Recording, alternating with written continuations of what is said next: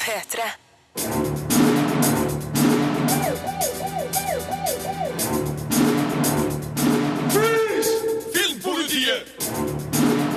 What's your name, dude? Uh, Birger Vestmo.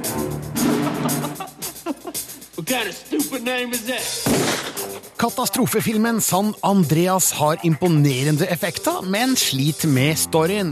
Serien Sense8 er et ambisiøst sci-fi-eventyr, men drukner i for mange rollefigurer.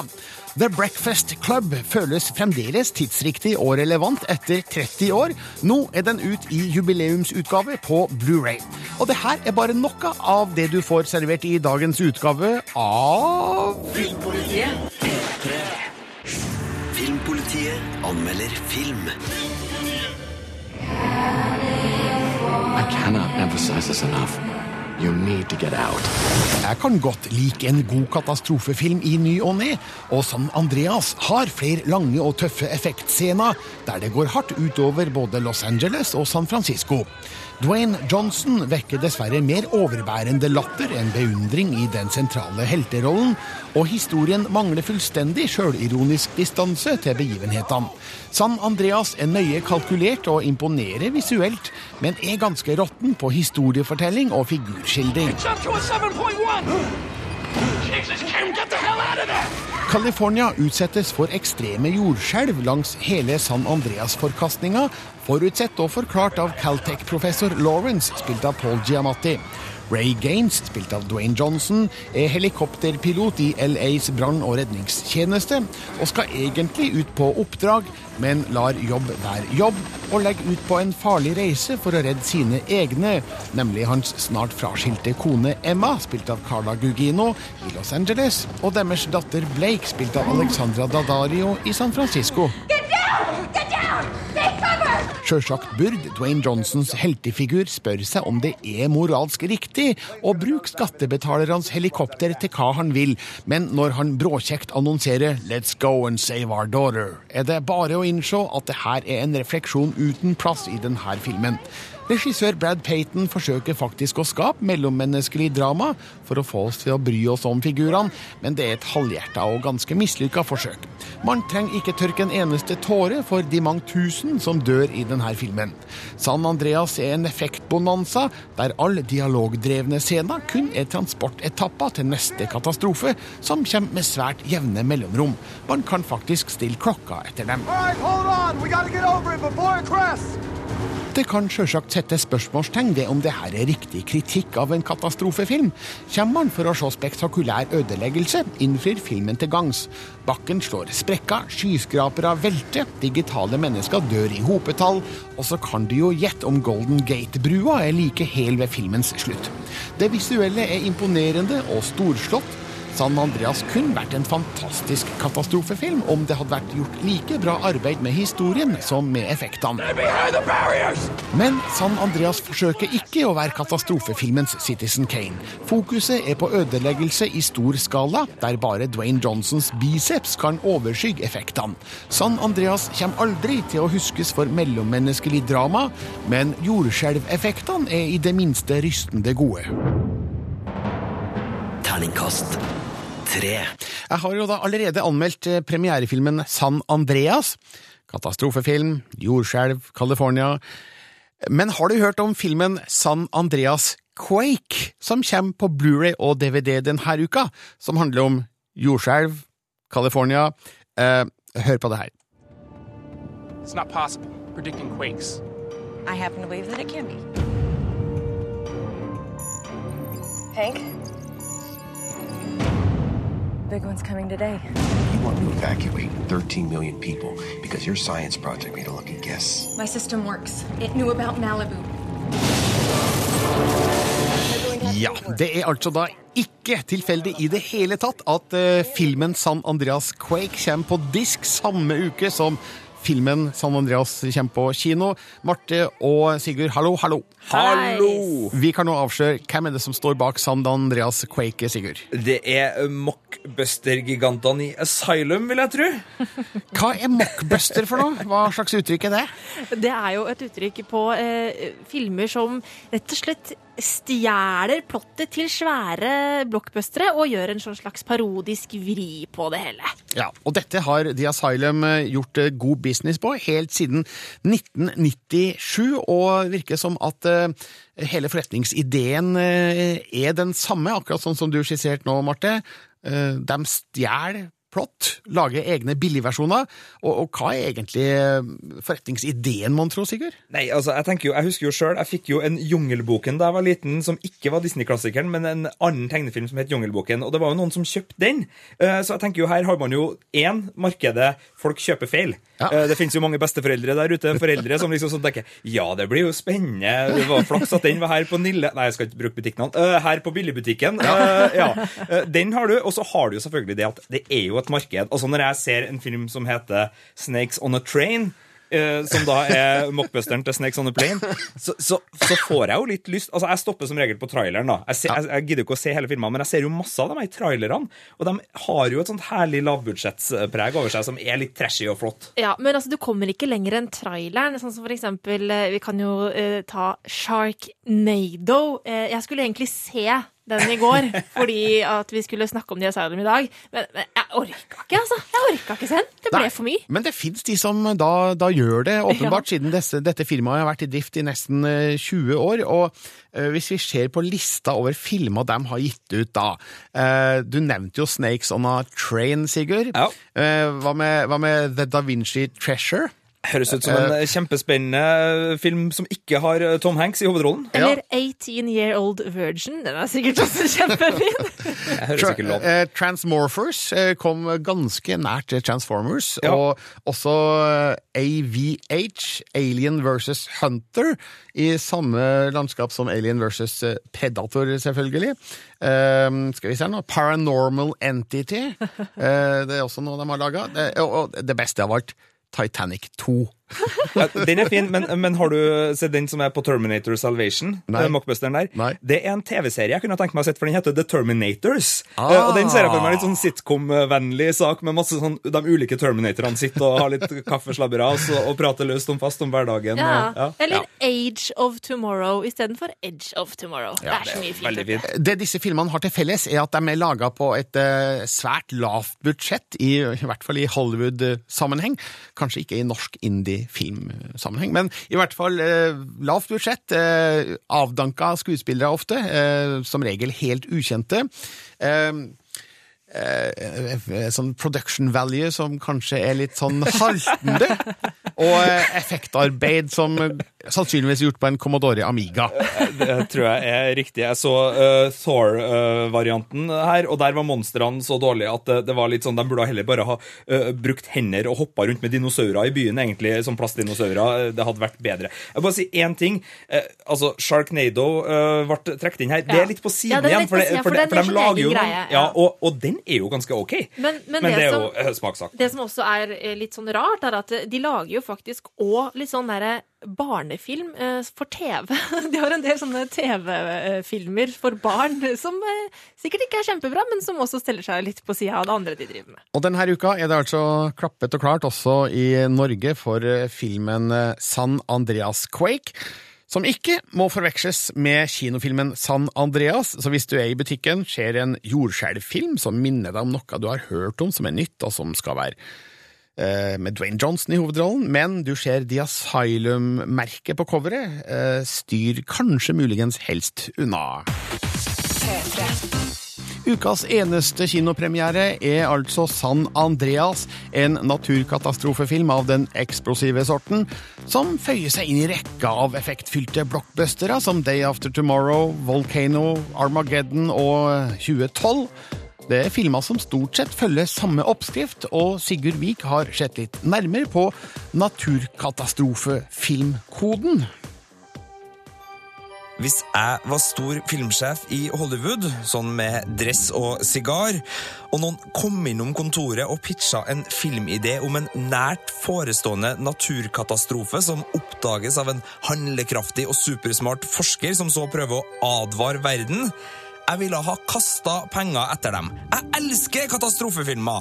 Det er høyt, det smeller, og det er ekstra godt å trekke tusselabbene opp fra gulvet og opp i sofaen når moder jord deler ut juling på skjermen. Og så følger de jo alle sammen stort sett akkurat samme oppskrift. We've found something extraordinary. Extraordinary and disturbing, that is. You recall what you said about how det du trenger hvis eh, f.eks. en vulkan eller ei istid truer med å ødelegge sivilisasjonen, er en helt som leser noen målinger og tidlig skjønner at her er det noe alvorlig galt. Paul, I think we should monitor the entire area. Get the whole shooting match in here. You sent me up here to check. I'm doing that. I think attention should be paid. Han prøver så å advare folk, men blir møtt med motstand fra en kjip og ofte mektig person som ikke er ond, eh, mer dum og ofte litt grådig. Mr. Vice President. If we don't act now, it's going to be too late. government has to start making long-term preparations now. Jack, all you have is a theory. Så nå har helten advart, men folk har ikke evakuert i tide. Og naturkatastrofen begynner å melde seg for alvor. Og her er det optimalt for filmen hvis det vises nyhetsinnslag på TV om alt som går til helvete rundt om i verden.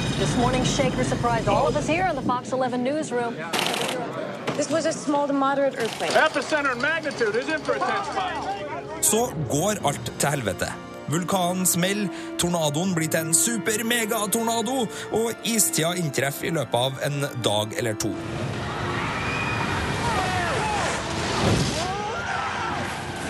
Da må folk reddes. Og heldigvis for oss så er jo denne handlekraftige forskeren vår selvfølgelig også forholdsvis sterk, så det er jo ikke noe problem for han å ta seg av redningsaksjonen personlig. I will come for you. Do you understand me? Vår helt er selvfølgelig et tvers gjennom hjertegodt menneske som aldri har noen moralske problem. Det samme kan ikke sies om maktpersonene, og det skal være plass til en del moralfilosofisk utfordrende beredskapsplaner i en god katastrofefilm. Enten det er snakk om at folk kan kjøpe seg inn på en gigantisk Noas ark, eh, USA må evakueres til Mexico, eller det finnes et lotteri om hvem som skal få bo inne i fjellet mens asteroidene herjer på jordoverflata.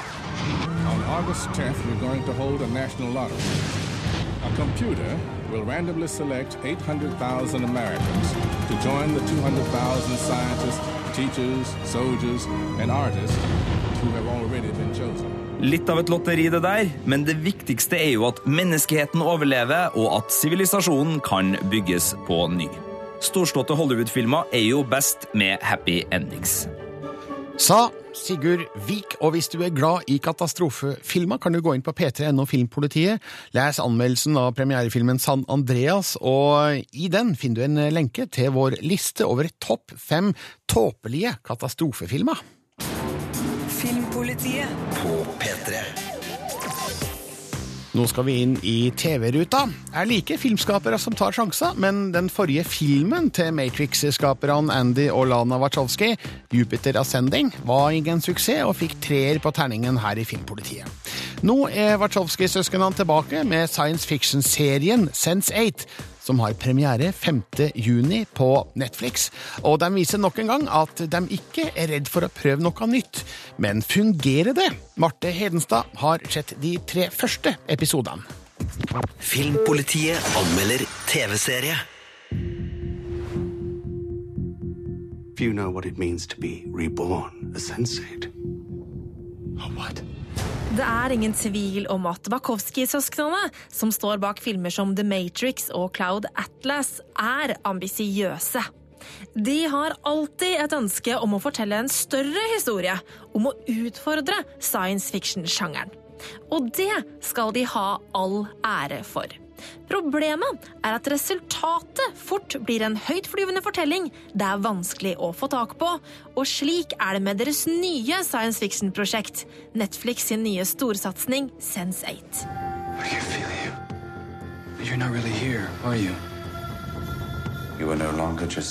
Sense8 følger åtte forskjellige rollefigurer på åtte forskjellige steder i verden i syv forskjellige land. Disse åtte menneskene blir plutselig mentalt forbundet med hverandre når en kvinne, en sensate, spilt av Daryl Hannah, tar sitt eget liv. Hennes død forandrer deres liv for alltid. Hver og en av dem begynner å føle og se ting som ikke er relatert til det de driver med, eller hvor de befinner seg. Etter hvert oppdager de også at de har tilgang til hverandres kunnskap og ferdigheter. Oppi alt dette er det selvfølgelig også en stor konspirasjon.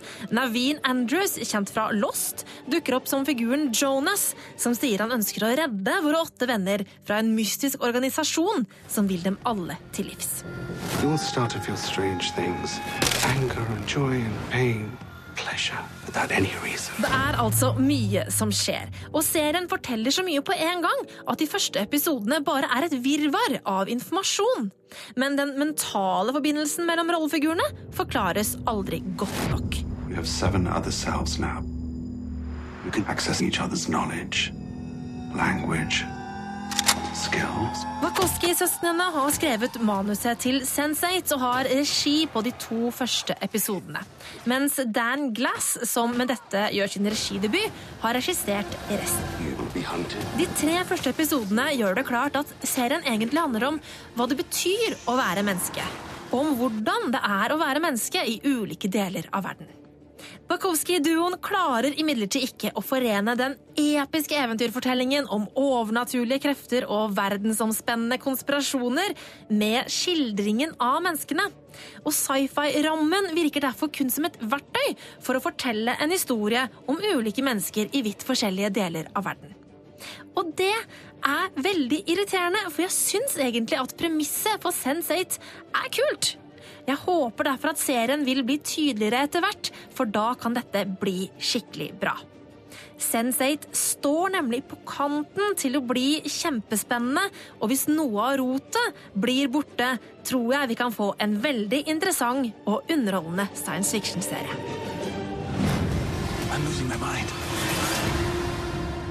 No, it's just expanding. Terningkast tre.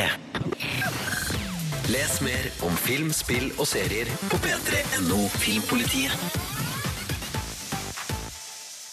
Filmpolitiet anmelder film. It is now 7.06. You have exactly 8 hours and 54 minutes to think about why you are here. Regissør og manusforfatter John Hughes var 1980-tallets fremste leverandør av filmer som tok tempen på ungdomskulturen. Tenåringer verden over kunne identifisere seg med figurene og historiene i Sixteen Candles, Pretty in Pink og Skulk med stil. Men de her titlene overskygges av den kanskje mest kjente av John Hughes sine filmer, nemlig The Breakfast Club fra 1985. Den nye 30-årsjubileumsutgaven av filmen på Blu-ray viser at den virkelig er 30 år gammel, rent formmessig, men det her er likevel et hyggelig gjensyn med noen av datidas store ungdomsstjerner, og en historie med tidløs og universell tematikk. Excuse me, sir. I think there's been a mistake. I know it's detention, but um, I don't think I belong in here. Utgangspunktet for historien er et for lengst utdatert fenomen i det norske skolevesenet, nemlig gjensitting. På Sherman High School i Illinois gjennomførte man åpenbart også gjensitting på lørdager, for her samles fem elever som av ulike årsaker har fått det her som straff. Populære Claire, spilt av Molly Ringwald, atleten Andrew, spilt av Emilio Estevez, nerden Brian, spilt av Anthony Michael Hall, inneslutta Alison, spilt av Ali Sheedy, og rampete John, spilt av Judd Nelson, representerer hver sin stereotypiske personlighet, men oppdager i løpet av denne dagen at de har mer til felles enn de hadde trodd. You know, Bender, you don't even count. I mean, if you disappeared forever, it wouldn't make any difference. You may as well not even exist at this school. Sjøl om filmen er fra 1985, vil 2015-ungdommen kunne kjenne seg igjen i de problemene og utfordringene de her figurene sliter med. Det handler om tilhørighet, merkelapper, fasadejag og prestasjonspress fra skole, venner og foreldre. Figurene har kanskje ulike bakgrunner og personligheter, men finn fellestrekk ved hverandre som knytter dem sammen. Filmen viser at det ytre ikke alltid, eller kanskje aldri, gjenspeiler det indre. You know, I have just as many feelings as you do, and it hurts just as much when somebody steps all over them. The Breakfast Club er prega av mange lange sekvenser der det er dialogen som driver historien fremover, ikke handlinga. John Hughes skrev smart og ordlegger figurene på en måte som virker troverdig og ekte. I dag har nok filmen et litt gammelmodig preg over seg. Tempoet er lavt, til tross for den korte spilletida på kun 96 minutter. I filmens siste del preges begivenhetene kanskje i litt for stor grad av programmessige erkjennelser på rekke og rad, der noen av dem vekker i overkant store følelser, men figurenes famlende usikkerhet bak fasadene gjør likevel inntrykk. Don't you ever, ever compare yourself to me, okay? You got everything, and I got shit. Blu-ray-coveret til denne 30-årsjubileumsutgaven av The Breakfast Club oppgir pussig nok bare tre av de fem skuespillerne i filmen, nemlig Emilio Estevez, Molly Ringwald og Anthony Michael Hall. Også Judd Nelson og Ali Sheedy fortjener å stå der, for skuespillerne i denne filmen er et jevnbyrdig ensemble. Og av de her syns jeg Judd Nelson har den beste og mest minneverdige figuren, som den tøffe, doprøykende og halvkriminelle John Bender. For 30 år sia var de all stigende stjerner. Samtlige falma riktignok ganske raskt, men i The Breakfast Club kan du se dem skildre ungdomsliv som fremdeles føles tidsriktig og relevant, til tross for aldrende innpakning. Dessuten tør jeg påstå at temalåta Don't You Forget About Me av Simple Minds stadig tåler gjenhør. You're an idiot anyway. But if you say you get along with your parents, well, you're a liar too. Terningkast fire. Filmpolitiet på P3. For det skal vi ta oss av eh, Sigurd Vik, Marte Heidenstad og meg sjøl. Ehm, eh, hva skal vi starte med? Skal vi starte med noe artig? Ja, ja, gjør det. Sigurd? Kjør på. Skal vi starte? Skal eh, du, du, starter, du starter. Men det er alltid og artig. Ja, nei, alt er ikke artig, men det er én ting som er ekstra artig, og det er at det nå er endelig bekrefta at Bob Saget. Ja, For du tror at jeg syns det er en god nyhet at Bob ja. Saget skal bli med i Full House? du? Ja, syns syns det er en elendig nyhet. Jeg syns hele greia med Full House er en elendig Nei. nyhet. Er ikke det nostalgi ganger 100 med Bob Saget altså, tilbake i Full House? Det fins så mye penger til underholdning her i verden, og jeg syns ingenting av det skal gå til den. Men det er meg. For dem som er fans, ja. Bob Saget skal bli med på Full House-greia. mary Ashley House. Fuller House. Mm. Uh, eh, Mary-Kate og Ashley Olsen blir dessverre ikke med. De har takka nei. men John Ron Stamos har fått med seg Bob Saggets selveste familiefaren eh, på den nye ja, og, reisen. her. Og når John Stamos eh, har bekrefta det her, da må det vel være, sant, eller? Ja, da må det jo være sant. Ja, Også, den, den grekeren eh, Birgit. Eh, eh, nei, nei, nei. Men hallo, jeg tenker at dette her kommer jo ikke til å bli gode, gamle, barnevennlige Full House. Altså, jeg bare tar det for gitt at det nå blir en litt sånn syrligere variant for voksne folk. Jeg, eh, eh, Tror vi ikke det? Jeg rister oppgitt på hodet og frykter at du blir veldig skuffa, Marte. Men, men, for all del, elsker å ta feil eh, og bli overraska av kvalitet, men, men, jeg frykter ikke. Men det jeg trodde du mente, nemlig det jeg syns er en kjempeartig nyhet, det er den som handler om en viss alien-film, ja. og ikke alien. Nei, ikke Alien, men Independence Day 2. Den gleder jeg meg til, for å si det sånn. Den det er jo helt sjukt at ja, Den skulle jo ha vært laga sånn rundt 1998. men av en eller annen psycho årsak så eh, har det ikke blitt før nå, men nå er ting på gang her. Ja, nå er den virkelig på gang, eh, og eh, vi har jo til og med fått et, et lite plott scenario om hva det skal handle om her. Da må jeg spørre, trenger Independence Day 2 et plott? Eh, svaret er vel nei, men der har du også plottet. Ja. Eh, altså, plottet er det opplagte, eh, så vidt vi kan skjønne. Er det, er det innovasjon fra verdensrommet? Eh, ja, det er innovasjon ja, fra verdensrommet. Oh. Men altså, hør på det her, da. We always knew they were coming back.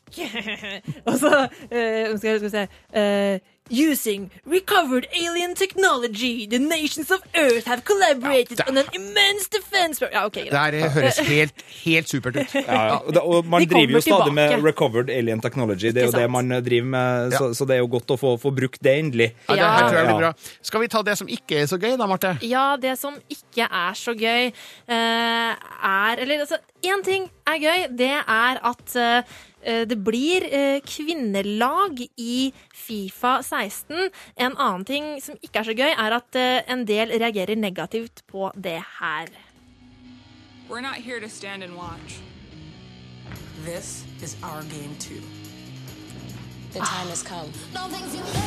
hva, This is our game too, ikke sant? Hva er feil her, Marte? Det som er feil her, er ikke hva eh, disse kvinnelige fotballspillerne sier eh, i traileren for Fifa 16, for det er jo vårt spill også. Det er masse jenter som digger Fifa. Det er jo nydelig at masse jeg har gjort det her. Fotball, ja.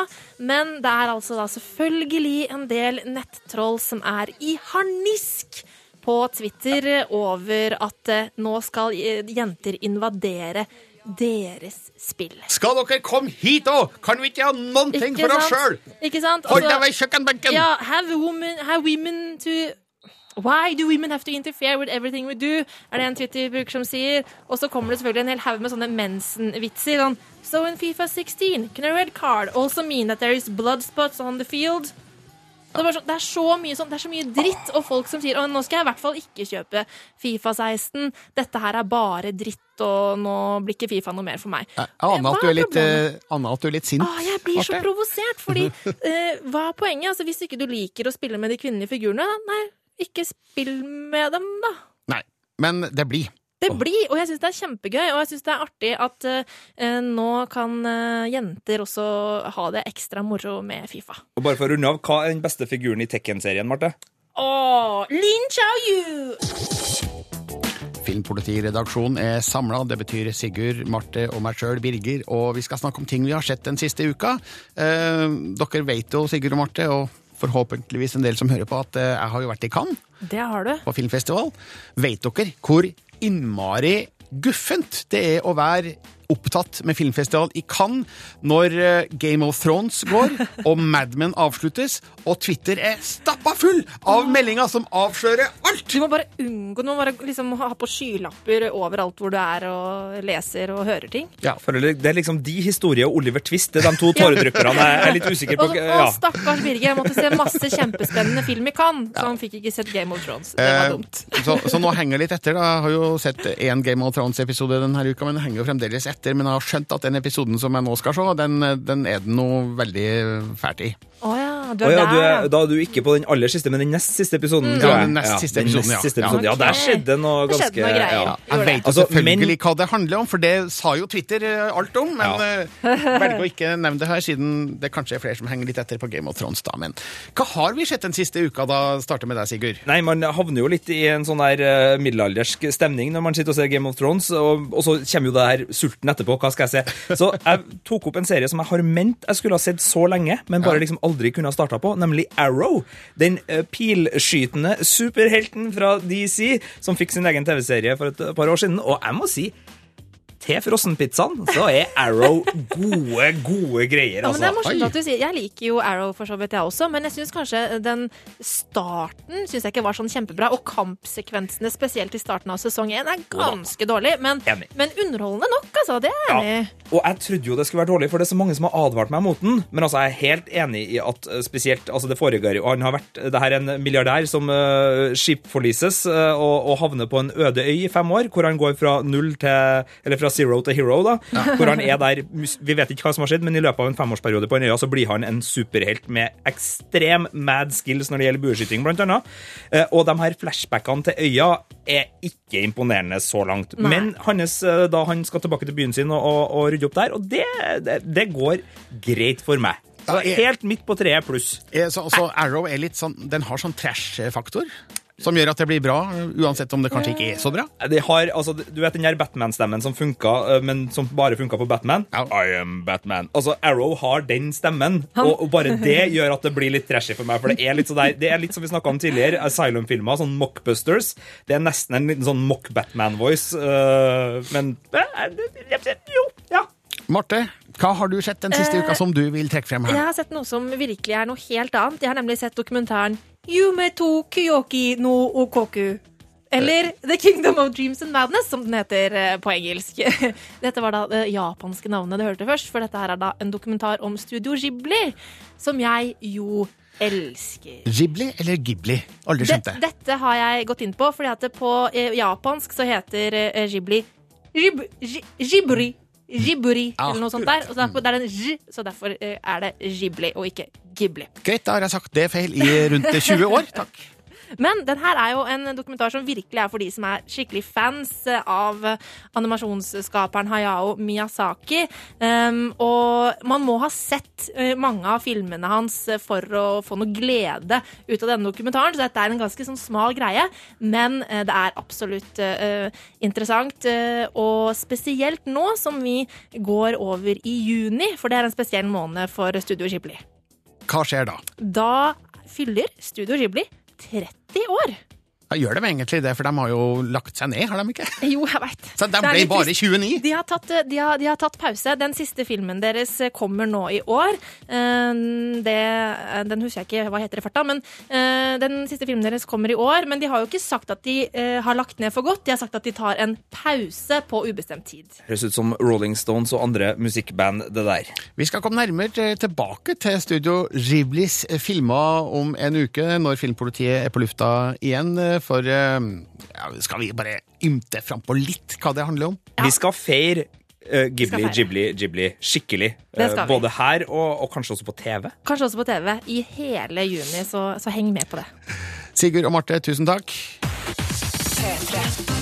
TV-serien Holton Catch Fire sesong to er klar på Seymour på mandag. Eh, her handler det om databransjens ungdomstid på 1980-tallet. Den finner sted i Texas, og følger unge dataspillende kodere og ingeniører som utfordrer de store selskapene. Filmpolitiet anmelder TV-serie. Online gaming is the future. We're sitting on a gold mine. But we haven't put anything out in six months. These computers you sold us were counterfeits. You call this a company? More like Nightmare on Nerd Street! I should be the boss. Nightmare on Nerd Street. Den likte jeg. Sigurd Vik, du har eh, sett på sesong to av eh, Holton Catch eh, Fire. Yeah. Um, altså, jeg får jo litt fot når det handler om datakoder på 80-tallet. Jeg Føler meg litt heime der, føler jeg, av en eller annen merkelig grunn. Men uh, gjør du? Det er ikke sånn ut fra at jeg opplevde det, men, men, det er lett å føle seg hjemme i denne verdenen som Holton Catch Fire skaper. Den har jo blitt sammenligna og omtalt som en slags sånn der uh, dataens merke Mad Men, denne serien, for den er på en måte et epokedrama som tar for seg liksom, en sånn liten gjeng i Texas som prøver å utfordre da, I første sesong så prøvde de å utfordre IBM, som liksom var PC- eller hjemmekomputergiganten. De prøvde å drive og utvikle en litt sånn laptop-sak, så det er jo smarte folk her, da, med ja. både kodere og ingeniører som liksom sånn, Kan vi legge koder på begge sider av, kretskort, eller, av kortet? Og du hører at jeg ikke kan det her, men altså, det, det er liksom sånn der Og så bretter vi det, og så, ja, så finner de ut av det. Er det mange spender sekvenser med sånn fra frenetisk koding på, ta på, tastatur? Heldigvis ikke. Eh, det er mest det, personlige dramaet. De, har også en sånn Don Draper-figur, som er liksom som forretningsidémannen her, som er en manipulativ, lite rasshøl av en type, som driver og pusher utviklerne og lyver for dem og får dem inn i media ved å liksom late som at du har ikke tatt backup, du, nå er alt ødelagt, og så kommer det en journalist inn i rommet, og så bare sånn viser seg at han har egentlig bare gjemt backupen og sletta det sjøl. Så den typen. Men, okay. men det funka bra i sesong én. Litt sånn haltende historiefortelling. Sesong to da er det slutt på å lage laptoper. Nå er, har liksom internett kommet, eller i hvert fall nett kommet, sånn at nå er det modem og online gaming. Altså tidlig spill, computer til computer. Og de er litt sånn anarkister. Nå sitter de i et hus i forstaden i Texas med masse unge utviklere og kodere som spiser junkfood og ligger med hverandre og ruller rundt er, det er ikke så mye ligging med hverandre. Jeg tok i litt der, jeg ville gjøre litt med sexen egentlig. Men, men det, er, det, er, veldig lovende. Det er masse energi, og det er veldig flotte rollefigurer her, så, så det begynner å ta seg opp. Jeg var litt sånn nja på sesong én. Sesong to det, det gnistrer av litt sånn den der ville ungdomstida til datautviklinga, og den er artig. Men Sigurd, jeg klarer ikke å fri meg for tanken. Eh, altså, det her høres jo ut som en sånn drømmeserie for de som med stolthet kan kalle seg datanerder. Det tror jeg absolutt du gjør. Og hvis du er, eh, har liksom kosa deg med humorserien Silicon Valley, som også er en veldig sånn for nerde-serie, så tror jeg nok du kan finne litt mer ro og kanskje også litt mer troverdighet. I hvert fall så har Apple-gründer Steve Wozniak sagt at den her er forholdsvis troverdig på hvordan det faktisk var å sitte i garasjen og mekke tidlige dataversjoner og, og spillversjoner. Så absolutt uh, gode ting der, altså. Holdt and catch. Fire sesong to har premiere på Seymour mandag, og du, Sigurd, gir eh, Terningkast fem. Den canadiske filmen Mamma vant juryprisen under filmfestivalen i Cannes for ett år sia. Den hadde norsk kinopremiere første juledag, og denne uka kom den ut på Blu-ray, DVD og strømming. Og her får du høre hvorfor den fortjener din oppmerksomhet. Filmpolitiet anmelder film. Jeg er ikke overbevist. Cette super proche de la 116. Votre alignée solide, moi, tu vas 'Mamma' er en ekstraordinær film fra det canadiske ekstremtalentet Xavier Dolan. 25-åringen imponerer med et uredd og energisk filmspråk som gleder, irriterer, utfordrer og provoserer på samme tid. Samtidig spiller Anne Dorval en fabelaktig sterk rolle som tittelens mor. Det her er allerede Dolans femte film, en av årets mest interessante, og et sterkt signal om at han er en av verdens mest spennende regissører akkurat nå.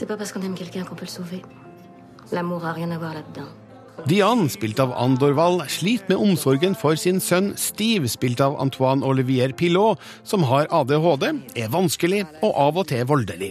Så får hun uventa hjelp fra nabodama Kyla, spilt av Suzanne Clement, som er lærer og gir Steve privattimer.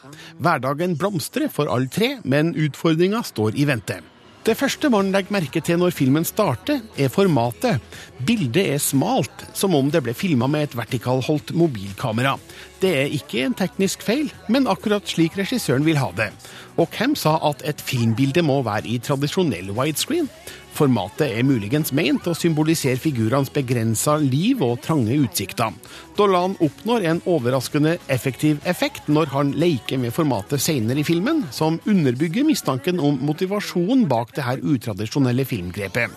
Det er uvant til å begynne med, men vokser på meg etter hvert vært Andor Wahl spiller forrykende i en tøff og kjempende rolle, der Dian utad fremstår sprudlende og pågående. Det er i stille, ensomme stunder vi får se hva figuren egentlig gjennomgår.